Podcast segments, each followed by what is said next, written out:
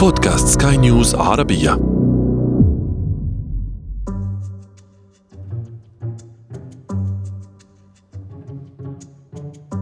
في أغسطس 1835 نشرت صحيفة نيويورك سان والتي كانت قد تأسست قبل ذلك التاريخ بعامين فقط. مقالا أعلنت فيه للجمهور عن اكتشاف حياة على سطح القمر. قالت الصحيفة إنها نقلت المقالة عن مجلة إدنبرا للعلوم العريقة وإن الاكتشاف المذهل صرح به الدكتور أندرو جرانت زميل عالم الفلك الشهير السير جون هيرشل الذي سافر إلى جنوب إفريقيا خصيصا لوضع تلسكوب يرصد به الحياة على القمر. وصفت الصحيفة بعض أشكال الحياة هناك فتحدثت عن وجود حيوانات مثل وحيد القرن وأشكال بشرية مجنحة ذات فراء تشبه الخفافيش ونباتات مورقة وأنهار متدفقة. تبع ذلك المقال خمسة مقالات أخرى نشرتها الصحيفة والتي وصلت مبيعاتها إلى أرقام قياسية. ثم بعد شهر تقريبا أعلنت الصحيفة أن الأمر كان مجرد خدعه تبين أن مجلة إدنبرا للعلوم توقفت عن الصدور وأنه لا يوجد عالم فلك يدعى أندرو جرانت من الأصل.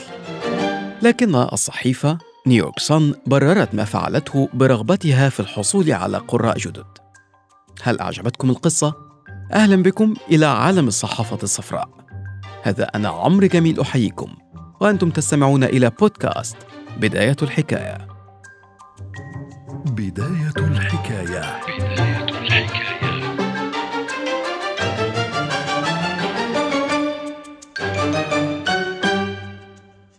في أواخر القرن التاسع عشر بدأت تظهر إلى الوجود صحف مختلفة عن السائدة قبل ذلك. أصغر حجماً وبها عدد أكثر من الصور.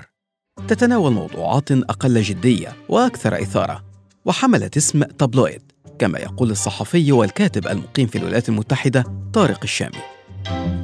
صحافة التابلويد آه، أو ما يعرف باسم الصحافة الشعبية آه، هي تتسم طبعا زي ما تفضلت بالإثارة وتكتب عادة بطريقة مختصرة تبرز الصور والقصص المصورة. تهتم بأخبار الجريمة والإشاعات آه، خصوصا بالنسبة للمشاهير ونجوم الرياضة والمآسي البشرية وخصوصا القضايا الغامضة طبعا. كسبت اسمها من شكلها يعني كصحف صغيرة الحجم تقريبا يعني هي بحجم نصف الصحيفة العادية. مصطلح التابلويد طبعا هناك تفسيرات كثيرة لكن الأكثر شيوعا هو أنه مشتق من كلمة تابلت وهو يعني كان في هذا الوقت في نهاية القرن التاسع عشر كان منتج من الأدوية المضغوطة. آه، وبالتالي أصبح كل شيء مضغوط آه، بمعنى أنه آه، ملخص أو مختصر كان يطلق عليه تابلت ومن هنا جاءت تسمية تابلويد الصحافه الصفراء كما يطلق عليها أيضا وهذا أيضا له قصة يعني تعود لمعنى التسميه بالصحافه الصفراء كانت في تسعينيات القرن التاسع عشر وبدأت مع رسم كرتوني جسد شخصية ولد أو طفل بيرتدي زي أصفر ويطلق الهجمات على الآخرين يعني. آه، وكان هذا في صحيفة نيويورك وورلد آه، اللي بيملكها جوزيف بوليتزر. كان بنفسه في هذا التوقيت آه، شخص آخر اسمه راندولف هاريس كان ناشر صحيفة نيويورك جورنال. وكان يستخدم نفس الأسلوب أسلوب ال tabloid. وهو قام بجذب رسام الكرتون هذا وجعله يعمل في صحيفته هو. رد عليه بوليتزر بأن استأجر رسام كاريكاتير آخر وابتكر شخصية أيضا طفل يرتدي زي أصفر. وأصبحت الحرب بين هؤلاء الأطفال هنا وهناك الأطفال الصفر والذين يرتدون يعني ملابس صفراء ويهاجمون الطرف الآخر. ومن هنا جاءت التسمية تسمية الصحافة الصفراء. قدمت صحافة التابلويد أو الصحافة الصفراء نفسها ببساطة شديدة جعلتها أقرب إلى الجمهور. تتناول كل ما هو غريب أو غامض واهتمت بالفضائح والجرائم المصورة وأخبار المشاهير.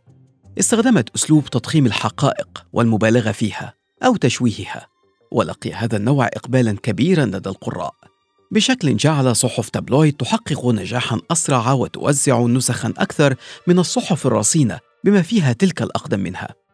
ومع اتساع الانتشار يزداد التأثير فبدأت الصحف الصفراء في التأثير ليس على الجمهور فقط بل وأحيانا على صناع القرار حتى إنها قادت بحسب ما يقول الشامي إلى إعلان الولايات المتحدة الحرب على إسبانيا في عام 1898 كانت هناك كارثة كبرى تسببت آه، هذه الصحف في تحريض السلطة السياسية في الولايات المتحدة إلى آه، إعلان الحرب لأنه كانت هناك دارجة حربية ضخمة غرقت في ميناء هافانا في كوبا آه، ولم يعرف السبب لكن الصحف الأمريكية التابلويد اتهمت إسبانيا بأنها كانت وراء هذا الأمر وبدون دليل وطبعا هذا كان حافزا لأن تبدأ الولايات المتحدة في حرب إسبانيا ويعني سيطرت على بموجب هذه الحرب على جزر كثيرة حول في المحيط الهادي ووصلت حتى إلى الفلبين.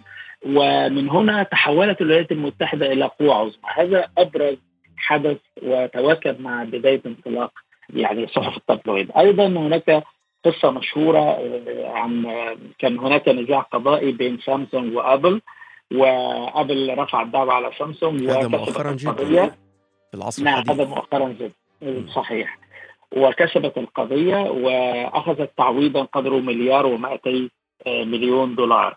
لكن الشائعة التي أطلقت في صحف صحف التابلويد هو أنها حصلت على هذا التعويض بالنيكل وهو أصغر يعني آه، عملة في الولايات المتحدة عملة معدنية. وطبعا هذه كانت قصة كوميدية لكنها نشرت على أنها حقيقة. أيضا آه، قبل عدة سنوات حينما انتشر فيروس آه، إيبولا تم تضخيم هذا الخبر على غلاف مجلة بلومبرج بزنس ويك ووضع العنوان مع صورة مرعبة جدا وملطخه بالدماء.